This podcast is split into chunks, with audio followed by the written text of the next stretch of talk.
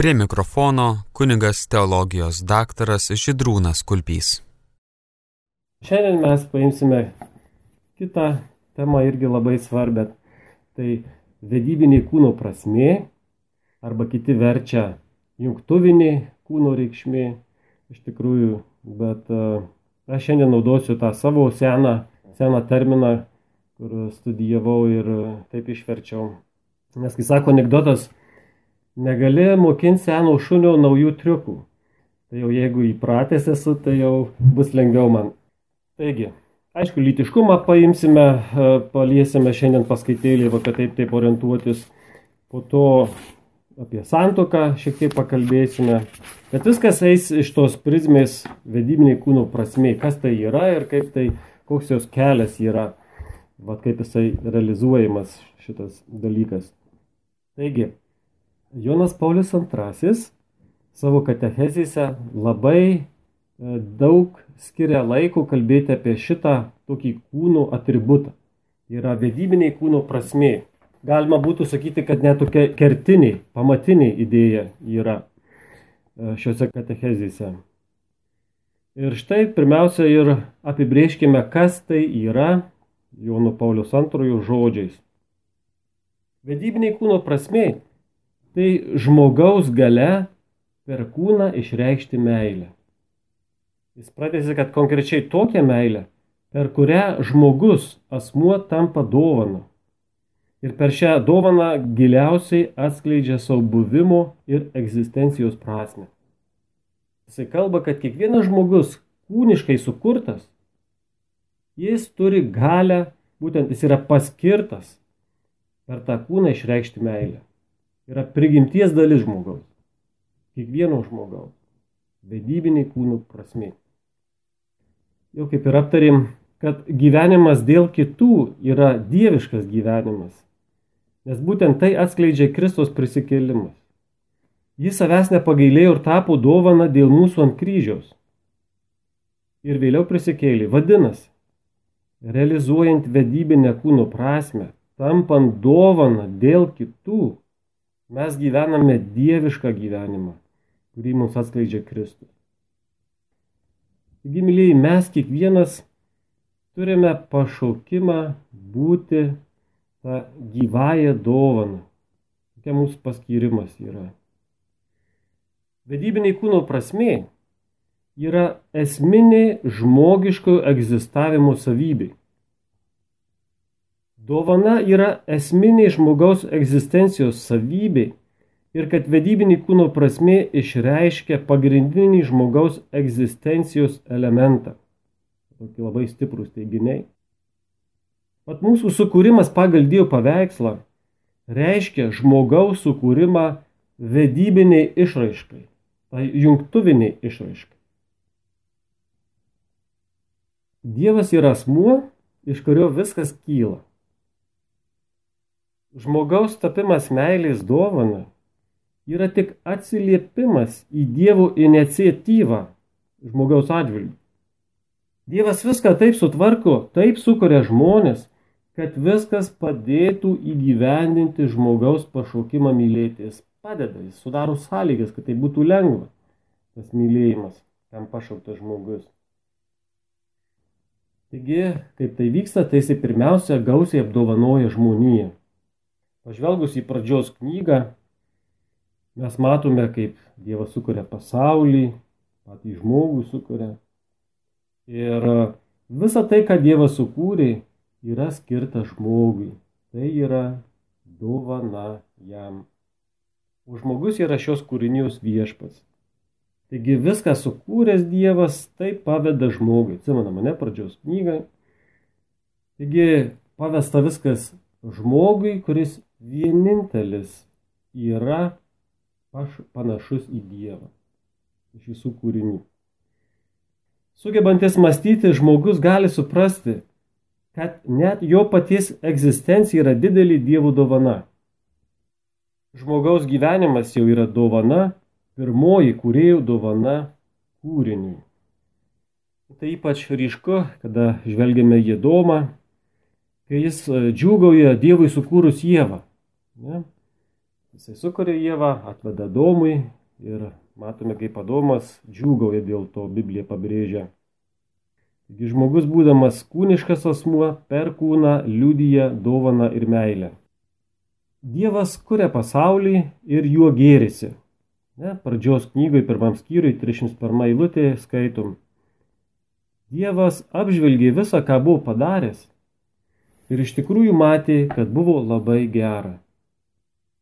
Jonas Paulius II sako, kad Dievas įvardydamas savo kūrybą kaip gerą, atskleidžia ir pagrindinį savo kūrybos motyvą. Ir tas motyvas yra nekas kita kaip meilė.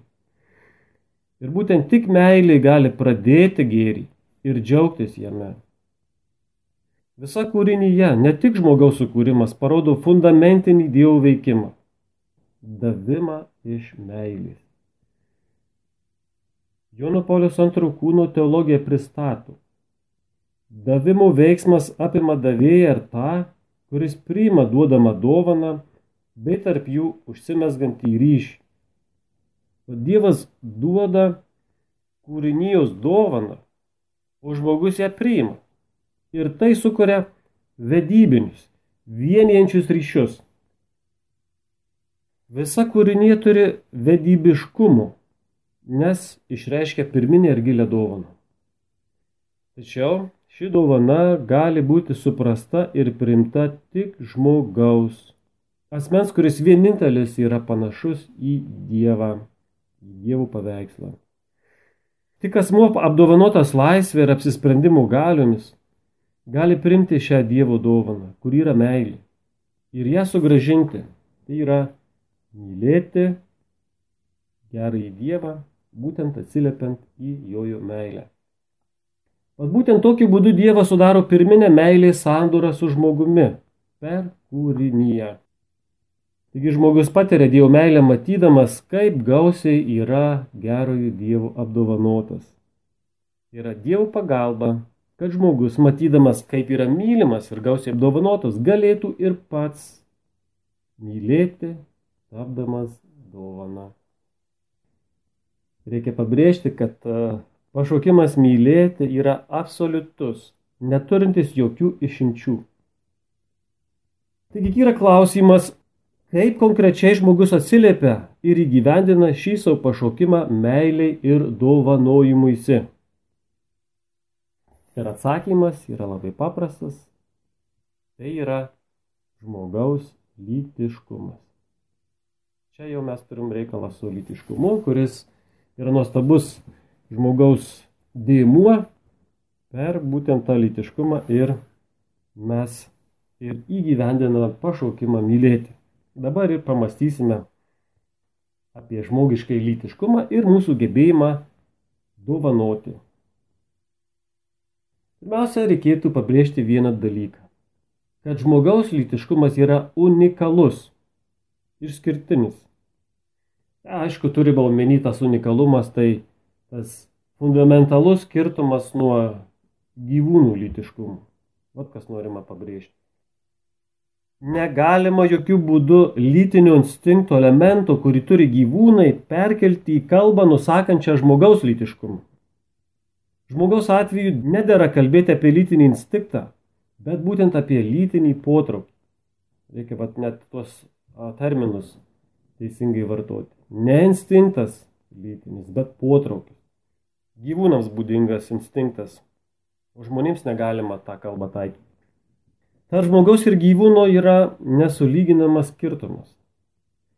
Biblija mums perduoda tiesą, kad nuo pat sukūrimo žmogus suvokia esminį savo skirtumą nuo visų gyvūnų. Vienintelis žmogus yra sukurtas pagal Dievo paveikslą ir panašumą. Štai pradžios knygoje apie Adomo sutvirimą minima.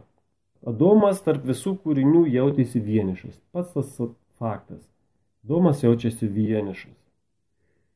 Įdomu, kad jisai nebuvo vienas rojuje. Buvo daug aplinkui gyvūnų sukurtų. Va, tačiau Adomas jauti tą vienumą. Kodėl? Todėl, kad jam nebuvo lygiai verčio partnerių. Jo bendravimas su kitais kūriniais buvo pribuotas, nes jis suprato, kad nėra aplink jį kito tokio kūno kaip jis. jog tik jo kūnas iš visos kūrinių visumos išreiškia asmenį. Girdim, kaip Adomas gauna užduotį pavadinti visus gyvūnus.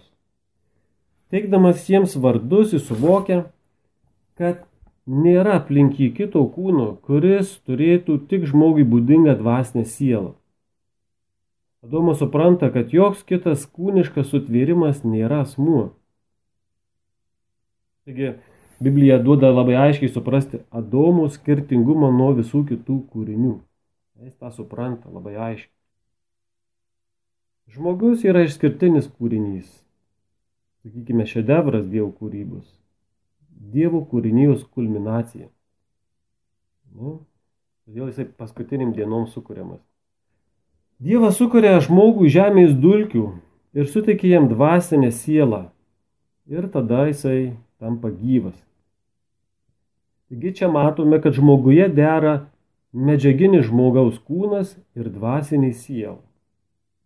Krikščioniškoji žmogaus samprata pristato žmogų kaip kūno ir dvasinės sielos vienovį. Du elementai dera neperskirimai - kūnas ir dvasia. Katalikų bažnyčios katekizme rašoma, sielos ir kūno vienybė yra tokia glaudi, kad sielą galima laikyti kūno formą. Vadinasi, iš medžiagos sudarytas kūnas, veikiant dvasiniai sielai, tampa žmogiškas ir gyvas kūnas. Dvasia ir medžiaga žmoguje nėra dvi sujungtos prigimtys, bet būdamos suvienytos sudaro vieną prigimtį. Dar kitais žodžiais galima būtų pasakyti, kad sukurdamas žmogų, Dievas įdvasina būtent gamtos dalį. Žmogaus asmenyje kūnas yra gamta, Žmogaus kūnas yra dvasios nešėjas, tačiau kūnas nėra dvasios valdovas. Čia labai svarbu suprasti. Kūnas nėra dvasios valdovas. Dvasia nekyla iš kūno, tik veikia jam padedant. Kūnas tik tarpininkauja tarp dvasios ir gamtos. Jis gyvena ne savarankišką, bet dvasios gyvenimą. Ir kaip sako Vaityla, dar prieš tapdamas popiežiumi, yra būtina asmens integracija. Tai reiškia taisyklingas matomus kūnų išorės derinimas su neregimu vidumi. Integracija. Suderinti išorę ir vidų. Ir dvasinė siela turi būti šio integralumo galutinis principas, pabrėžė Vaityla. Dvasia. Dvasia turimti viršų ne kūnas. Taigi visai turit Biblijos žinę apie žmogaus unikalumą, šedevrą jojų. E, žodžiu, mes galime padaryti išvadą, kad negalima grinai biologinio gyvūno lytinio instinkto perkelti į kalbą apie žmogų ir įtaikyti nusakant žmogaus veikimą. Būtų labai neteisinga. Netinkama ir neteisinga, kaip sako Jonas Paulius II. Štai ir popiežius Paulius VI gražiai tą irgi tą patį tvirtina. Žmogus sukurtas pagal Dievo paveikslą ir panašumą nėra vien kūnas ir lytinis instinktas nėra visa, ką jis turi. Žmogus taip ir pirmiausia yra protas, valia, laisvė. Tai gebėjimai iškeliantys jį virš visos kūrinijos, bei įpareigojantis traktuoti jį kaip tokį taip pat suteikiantys jam galę valdyti savo fizinius, psichologinius ir emocinius polinkius. Taigi tarp gyvūno ir žmogaus prigimties jokių būdų nėra lygybės. Gi žmogus yra įdvasintas asmuo ir tai išskiria žmogų ir jo kūną iš visų kitų gyvūnų ir likusios gamtos. Dėl esminės vienybės su dvasinė siela Kūnas negali būti gretinamas su gyvūnų kūnu. Jis yra sudedamoji dalis asmens, kuris per jį reiškiasi ir veikia. Gyvūnas yra gamtos dalis. Gyvūnas yra tiesiog kūnas. O žmogus yra kūno ir dvasinės sielos lydinys. Žmogaus kūnas negali veikti savarankiškai.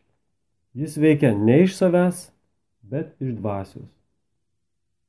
Tai matom, mes kalbam čia apie žmogiškai lytiškumą.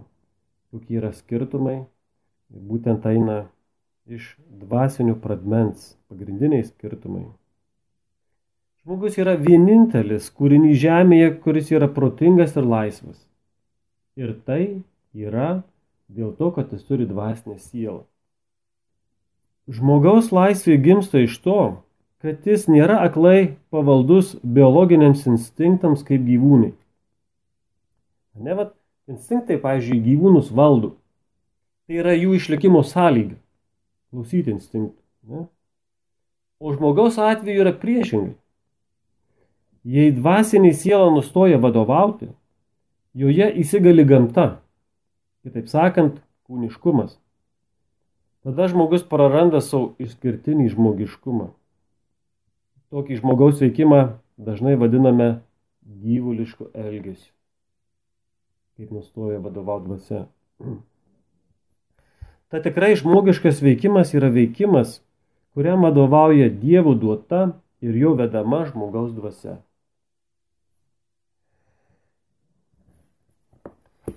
Taigi, mylėjai, žmogų negalima vertinti tik biologiniu požiūriu.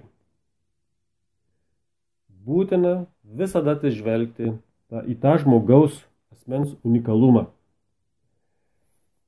Vat Biblijos, biblinis žmonijos pradžios pasakojimas kviečia suprasti, kad šioje srityje tiesa apie vedybinę kūno prasme yra kaip tik toji esminė tiesa, kurią privaloma turėti omenyje, kalbėdami apie žmogų ir jo lytiškumą. Jonas Paulius II nurodo, kad būtent ši vedybinė kūno prasme geriausiai nusako, kaip ir kam yra sukurtas žmogus ir kokia jo tikroji prigimtis. Vedybinės kūno prasmės idėja yra vienintelė, tinkama vyrų ir moters unikaliumui aptarti. Taigi, unikaliaus žmogaus prigimties lytiškumas skirtas kam? Asmenų bendrystei ir naujos gyvybės kūrimui. Štai galima būtų išskirti du tuos momentus lytiškumas asmenų bendrystė ir naujos gyvybės kūrimas. Taigi ir dabar apie šitos du aspektus ir pakalbėsime. Bendrystės ir gyvybės kūrimas. Reikia pasakyti, kad lytiškumas žmogaus yra esminiai svarbos. Čia nėra koks mažas priedelis, prie žmogaus ane egzistencijos. Tai yra esminis dėimuo. Jis veikia visą žmogų. Lytiškumas daro didelę įtaką žmogui. Tai yra vienas iš pagrindinių vyro ir moters gyvenimą formuojančių principų. Lytis yra biologinių, psichologinių ir dvasinių savybių šaltinis kuris suformuoja asmenį vyru arba moterimi. Ne? O tai pasireiškia lytiškumas biologinėmis, psichologinėmis ir dvasinėmis savybėmis. Ne?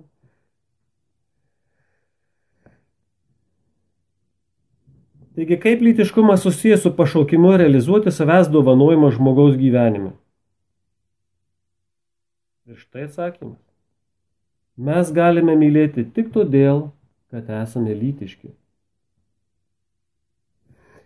Nes lytiškumas parodo žmogaus atsigrėžimą į kitą, kad jį papildytų ir sudarytų bendrystę per savęs dovanojimą. Kad žmogus lytiškas, tai reiškia, kad jis yra pašauktas atsigręžti į kitą žmogų. Jeigu šita mintis mums irgi įstringa, Vat, e, tas labai ryškiai atsiskleidžia pradžios knygoje, kaip jau kalbėjom, Adomas jaučia vienumą. Taigi prieš sukuriant Jėvą, Adomas nors ir yra apsuptas daugybės kūrinių, jaučiasi vienišas. Dabar čia sustokime truputėlį daugiau, pakalbėkime, ką tas reiškia jo vienišumo jausmas.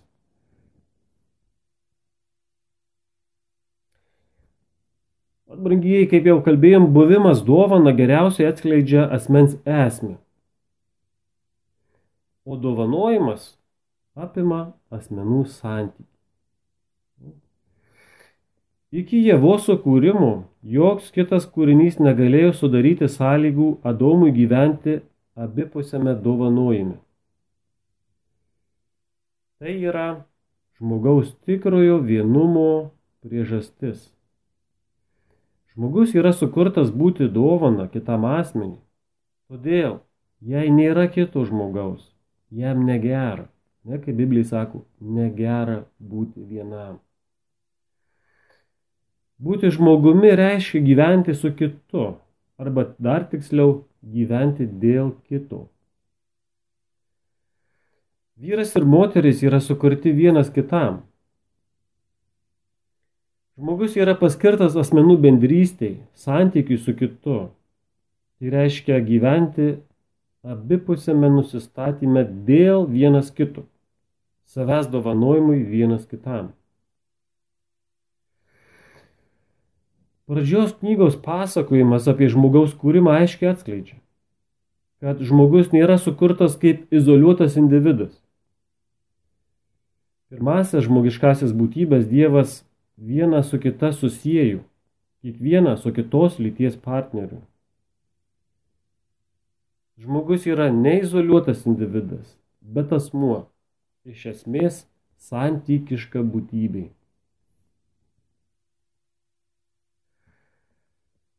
Tik moteris sukurta iš to paties kūnų bei apgaubta to paties lėpiniu dovanoja vyro gyvenimui ateitį.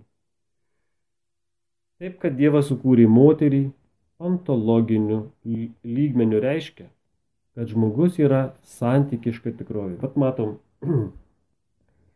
matom tas pabrėžtas yra pašaukimas santykių, kuris labai akivaizdžiai įskleidžia tą lytiškumą. Ne? kad mes lytiški esame pašaukti santykiui. Ir kaip matome pačioj Biblijos pirmoji knygoje, tas labai žakcentuota. Domas vienišas. Ir tik tada išgyvena prasme, kaip jam Dievas atveda Dievą. Ir užsimažga gražus meilės santykis tarp jų.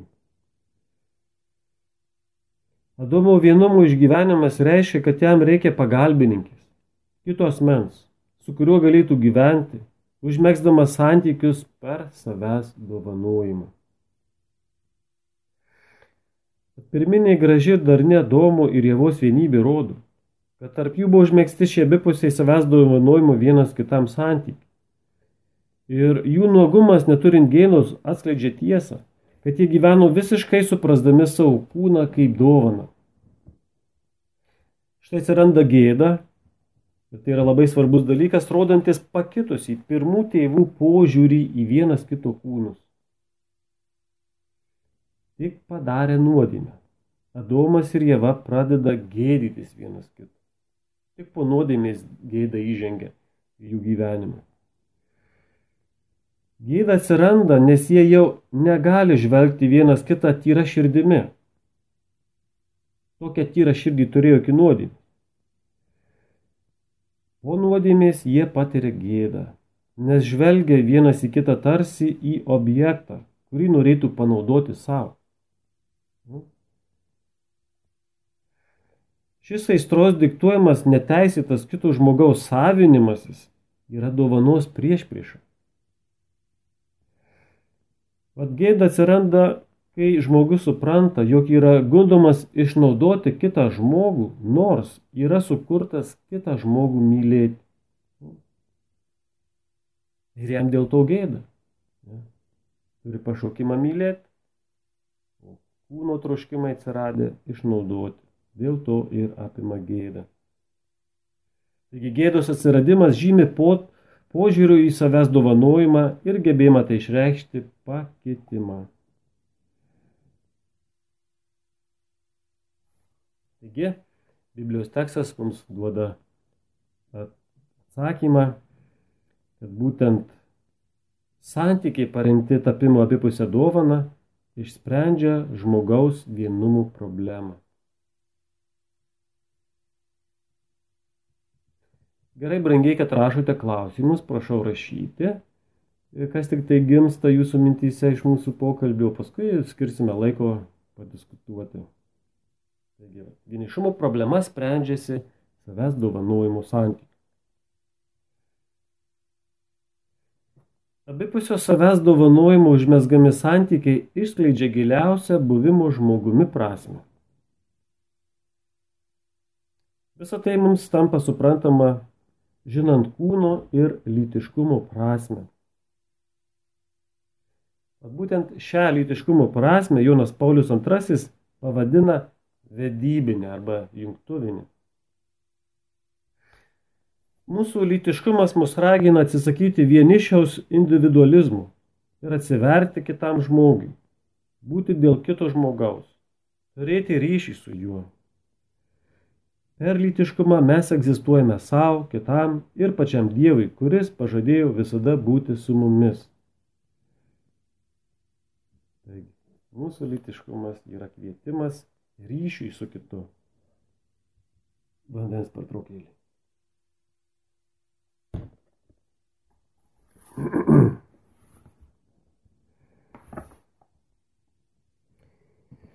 Taigi, žmogus sukuriamas pirmiausia priimti dosnę Dievo meilės dovaną ir jisai kviečiamas toliau šią meilę pakartoti bei pratesti tampant dovaną kitiems. Va matot, kaip koks Dievas yra geras, nepaprasčiausiai įsakė mylėti, bet jis ir sudarė sąlygas, kad mums būtų daug lengviau mylėti. Tai būtent gausiai apdovanoja žmogų pirmiausia, pats pasaulis, Pats kūnas yra kaip dovana Dievo.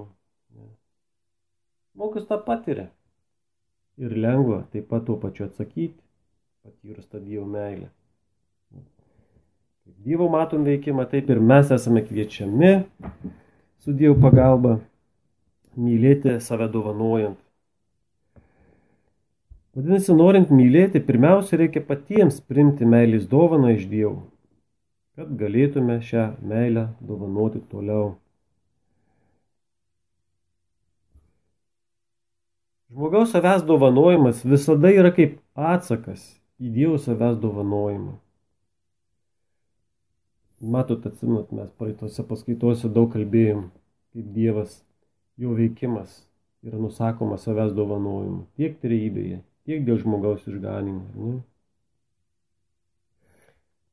Taigi ir mes tų pavyzdžių sekame. Savęs dovanojimu žmogus dalyvauja Dievo savidavoje ir per tai yra paskatinamas dar labiau save dovanoti. Jonas Paulius II pabrėžia, kad pašaukimas būti dovana yra pagrindinis žmogiškosios egzistencijos pasaulyje elementas. Nu, taip gražiai nuo teologijos išdėstome.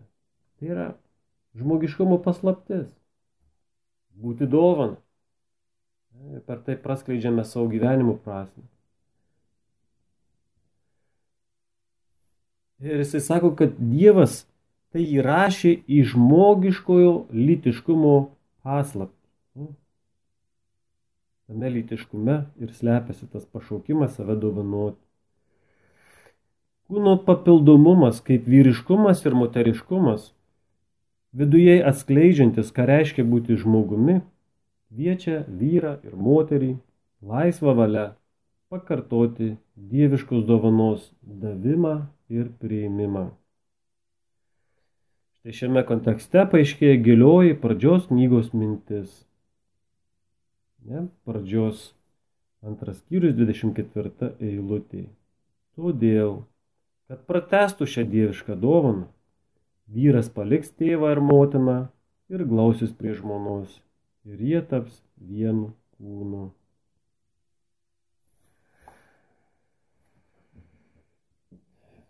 Dar galima būtų kitais žodžiais lytiškumą apibriežti kaip asmeninę galę dalinti savimi.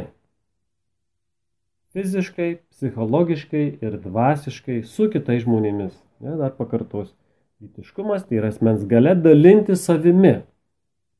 gale dalinti savimi - fiziškai, psichologiškai ir dvasiškai. Tad lytiškumas yra kiekvieno žmogaus gale sugebėjimas dalinti savimi. Dalinimasis apima davimą ir priimimą, bet nedavimą ir gavimą. Toks dalimamasis savimi veda į visaverčius tarp žmogiškus santykius ir bendrystę.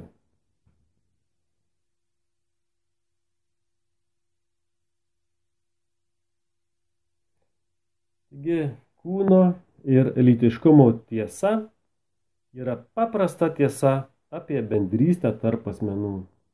O, trumpai grūtai pasakyti. Bendrystė. Žmogus yra sukurtas kaip vyras ir moteris, kad kurtų judviejų vienybę. Aišku, čia reikėtų pasakyti, kad šitas teiginys nereiškia, kad visi yra pašaukti santokiniai meilį. Deja, ne. Ne visi pašaukti būti, tapti vienu kūnu. Aišku, mes kalbėsime, kaip ta vedybiniai kūno prasme išpildoma celibato pašaukime, čia jau pabaigoje, gal paskutiniai paskaitoj. Va. Bet iš tikrųjų reikėtų pasakyti, kad visi be išimčių yra pašaukti tam tikrai vedybinės meilės išraiškai. Tai yra savęs dovanojimai būtent konkrečiu keliu savo gyvenimu. Nesvarbu, ar tai santuk, ar tai pašestas gyvenimas, kunigystė. Nesvarbu. Žmogus sukurtas kaip būtent pašauktas dovanai, jau prigimtyje tas įrašyta. O kuriuo keliu tą padarysi, padovanosi save, tai jau čia pagal Dievą, kaip Dievas tave pašauks. Bet dauguma tai aišku yra šeimos kelias. Bet, tai yra ne, ne visas, ne visa ta, sakant, galimybė, yra ir kitų galimybių.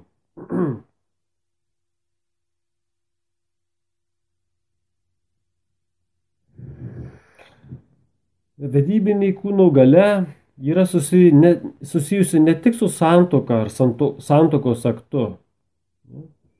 Santokos aktas tai yra lytinis aktas santokoje. Tai yra gale, kurią turi visi žmonės, per kurią jie gali kiekvienoje gyvenimo situacijoje veikti kaip mylintys, save dovanojantys asmenys. Ši vedybinė meilė vienyje mus ir kuria žmonių bendrysės ryšius su visais žmonėmis, su kuriais dalymės šią žmogaus kūno vedybinę galę.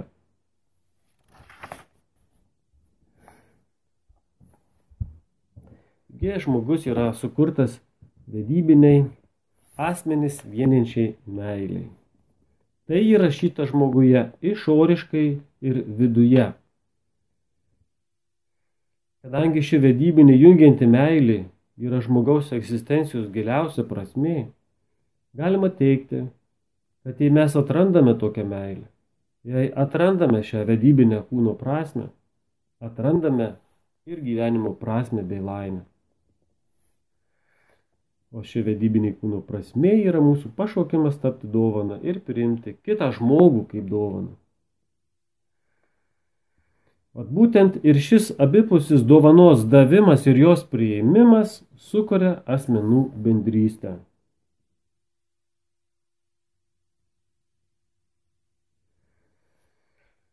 Mūsų lytiškumas teikia galę mums kūniškai tapti asmenių dovaną ir sudaryti vyro ir moters santoko sandūrą per visos mens dovaną vienas kitam. Ir ši santokinė bendrystė visada išlieka kaip giliausia ir prasmingiausia asmens patirtis. Todėl ji turi būti atskleista visa savo tiesa, būtent kaip Dievo paveikslų ženklus. Šitos gražios kalbos yra, vat, tai būtent viskas susiveda į šitą mūsų tą pagrindinį pašaukimą. Būtent išpildyti savo panašumą į Dievą. O jau kai mes kalbėjom ne kartą, akcentavom, kad Dievo veikimas geriausiai nusakomas kaip buvimas dovana. Būtent tuo atskleisdamas vedybinę kūno prasme, žmogus atkartoja Dievo veikimo pavyzdį ir iš tiesų panašėja į švenčiausią trejybę. Dar galima būtų pasakyti, kad lytiškumas yra Dievo meilės trejybėje atspindys. Kūnas atskleidžia vyro ir moters pašaukimą bendrystėj ir leidžia ją sudaryti. Taip iš dalies atspindint Dieve egzistuojančią bendrystę. Tresmenio Dievo paveikslo idėja, ko gero yra giliausia išvalga, kuri turėjo tikrai didelę įtaką apibūdinant patį žmogų ir ieškant pagrindo jo gyvensenai ir elgsenai. Taigi matome, kad žmogus suvokęs, kad yra Dievo paveikslas ir panašumas, iš to gali gauti daug atsakymų, kaip išpildyti gražiai išpildyti savo žmogiškai pašaukimą. Kai žmogus yra vienas, jis iki galo nėra savimi. Jis save atrasti gali tik santykyje. Čia va, vėl labai svarbus momentas. Žmogus yra santykių kūrinys. Ir dabar labai liūdna, ne kaip mūsų toj kasdienybei. Dabar tie ribojimų daug dažnai Jie vat ir taikų į santykius. Aš jau turbūt sakiau tą, bet realiai pamatytume tuos dalykus kartais, vat, norisi tą pastebėti. Yra mūsų prigimtis būti santykyje, susitikinėti, bendrauti. Yra mūsų prigimtyje. Ir jeigu žmogus e, nekaip jaučiasi, net policija sako, žmonės ant ribos, įsitempimai baisiausi žinai, smurtas pra, pratrūksta, žinai, ar ten šeimų, ar dar kur nors. Būtent, kad čia yra kažkas mūsų visuomenė yra pažeista. Asmuo įskleidžia save per veiksmus kitų labui ir su kitais. Labai nuostabiai pasakyti. Save praskleidžia, išpildo per veiksmus kitų labui. Jonas Paulius II pabrėžia neatskiriamą santykio veiksnį apibūdinant žmogiškumą. Jis teigia, kad būti asmeniu reiškia būti subjektu ir būti santykyje. Mes kaip Dievo paveikslas gyvename santykyje. Žmogus tikrai iki galo gali išskleisti save tik per visą vertį santykį su kitais asmenimis. Kūno teologija atskleidžia, kad šis santykiškumas yra giliausiai atskleidžiamas per mūsų lytinį skirtingumą. Kiekvienas žmogus, nežiūrint jo ar jos unikalumo, visada yra jis arba ji. Taigi lytis, vadinasi ir mūsų pašaukimas bendrystėje, yra ne tik asmens savybė, bet esminė asmens dalis. Net savybė, bet esminė dalis. Ir Ratzingeris gražiai rašo, kad žmogaus kūniškumas rodo, kad mes atsirandame vieni iš kitų. Tai reiškia, kad žmogus yra būtybė egzistuojanti tik iš kito. Žmogų pagimdo moteris. Kyla iš kito žmogaus. Ir santykis yra neišvengiamas. Yra gyvybė žmogaus. Žmogus savimi yra tik tiek, kiek yra kituose. Čia Ratzingeris irgi kalba. Jis atranda save tik išeidamas už savęs. Jis būna savimi tik per kitus, tik gyvendamas kituose. Va tai ir atskleidžia santokinių meilės bendrystė. Per abiejų bendrystę vyras ir moteris gyvendami kartu ir dėl vienas kito randa save pačius ir patvirtina visą, ką reiškia būti asmeniu ir sutvirtina visą, kas sudaro žmogų. Net galima būtų pasakyti, kad Adomo atsivėrimas kitam asmeniui yra dar svarbesnis apibūdinant žmogų, nei jo suvokimas, kad jis skiriasi nuo gyvūnų. Tai vyras ir moteris turi tą pačią prigimtį, bet jie yra skirtingi. Tie skirtumai tai leidžia moteriai papildyti vyrą ir atvirkščiai. Tai leidžia jiems būti tuo, kas esa. Tu negalėtų būti, jei žmogus nebūtų sukurtas dviejopų būdu. Pradžios knyga atskleidžia, kad vyras gali realizuoti gebėjimą mylėti tik po to, kai sukuriama moteris. Tai yra, kai Dievas duoda pradžią dviejopam žmogaus lytiškumui. Kai Dievas sukuria Dievą, mes matome, kad Adomas labai apsidžiaugia. Ir sakoma, kad Dievo sukūrimas dar sukarština nu, padidina meilę Dievui. Nes e, pamato, koks Dievas yra nuostabus, kad tokius, tokį nuostabų kūrinį jam padovanoja Dievą. Meiliai moteriai padeda karščiau mylėti būtent Dievą. Kuris supranta, kad žmogus Adomas supranta, kad reiškia, visi tie nuostabus dalykai kyla iš Dievo. Koks yra Dievas nuostabus, koks yra geras, koks maloningas, tokiam dovanom apdovanojęs Adomą. Bet įdomus toksai pastebėjimas, ne, kad moters sukūrimas padeda dar labiau mylėti Dievą. Žvelgdami į šį žmogaus dviejopumą, kaip vyrą ir moterį, randame raktą, kaip suprasti žmogišką įkūną ir jo prasme įgyvendinant Dievo planą. Dviejopas žmogiškumas išreikštas per kūną. Vyras ir moteris sudaryti iš panašių kūnų medžiagų ir organų, tačiau juose yra skirtingumas kuris peržengia jų kūniškumą ir tas skirtingumas ir yra lytiškumas. Per šį lytiškumą jie abu išreiškia meilę, kuri yra dovana ir dalyvauja kūrybinėje galioje pradėti gyvybę. Šis lytinis bendravimas skiriasi nuo gyvuliško instinkto patenkinimo. Žmogiškiai lytiniai santykiai yra veikiami proto ir išreiškia valios apsisprendimą. Tai nėra tik lytinių organų ar dviejų kūnų jungtis, bet dviejų asmenų jungtis. Tas vad skirtumas tarp žmogiško ir gyvuliško lytiškumo. Žmogiškasis lytiškumas su jo paskirimu meiliai neišveigiamai susijęs su gyvybės perdavimu prasme. Na, čia dabar kalbame apie gyvybę, labiau pabrėždami kitą aspektą lytiškumo ne tik vienyti žmonės, asmenys, bet ir dėl gyvybės perdavimo, naujos gyvybės kūrimo. Štai katekizmas tvirtina, kad seksualumas veikia visą kūnų ir dvasia vieningą žmogų, ypač jo jausmus, gali mylėti ir gimdyti, o bendresnė prasme gebėjimą užmėgsti bendravimo ryšį su kitu žmogumi. Lytiškumas turi būti ištikimas savo vidiniam tikslui - vaisingumui ir gyvybės perdavimui. Tai vidinis tikslas.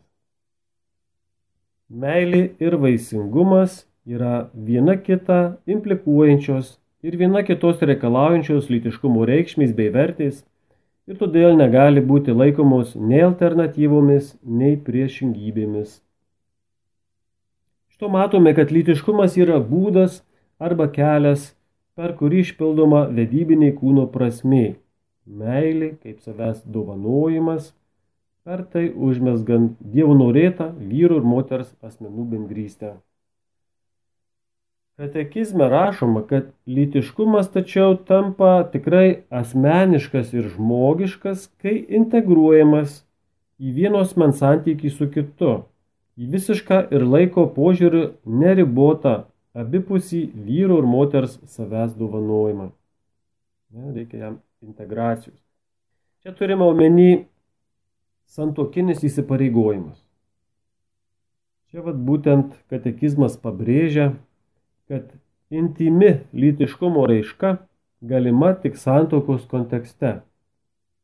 Štai citata. Seksualumą įprasmina santokiniai vyro ir moters meiliai.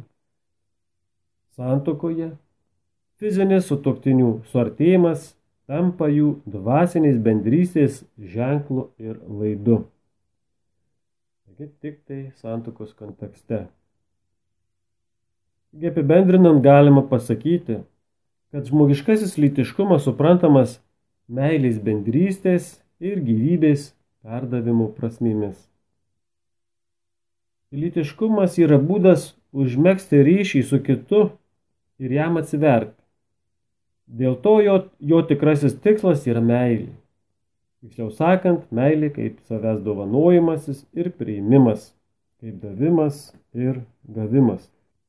Taigi, brangiai, matom čia praskleidėm, kas yra vedybinė kūno prasme, kaip tai realizuojama per lytiškumą, jo to skirtumai lytiškumo nuo kitų gyvūnų lytiškumo ir kaip būtent lytiškumo būdu mes esame pašaukti kurti bendrystę asmenų ir taip pat naują gyvybę perduoti. Mėly Marijos radio klausytojai, prie mikrofono su jumis savo mintimis dalinosi Liudvinavo Šventojo Liudviko parapijos klebonas, kuningas teologijos daktaras Židrūnas Kulpys. Įrašas iš konferencijos Kūno teologijos tema ciklo. Tesinio kviečiame klausytis kitą savaitę tuo pačiu metu. Likite su Marijos radiju.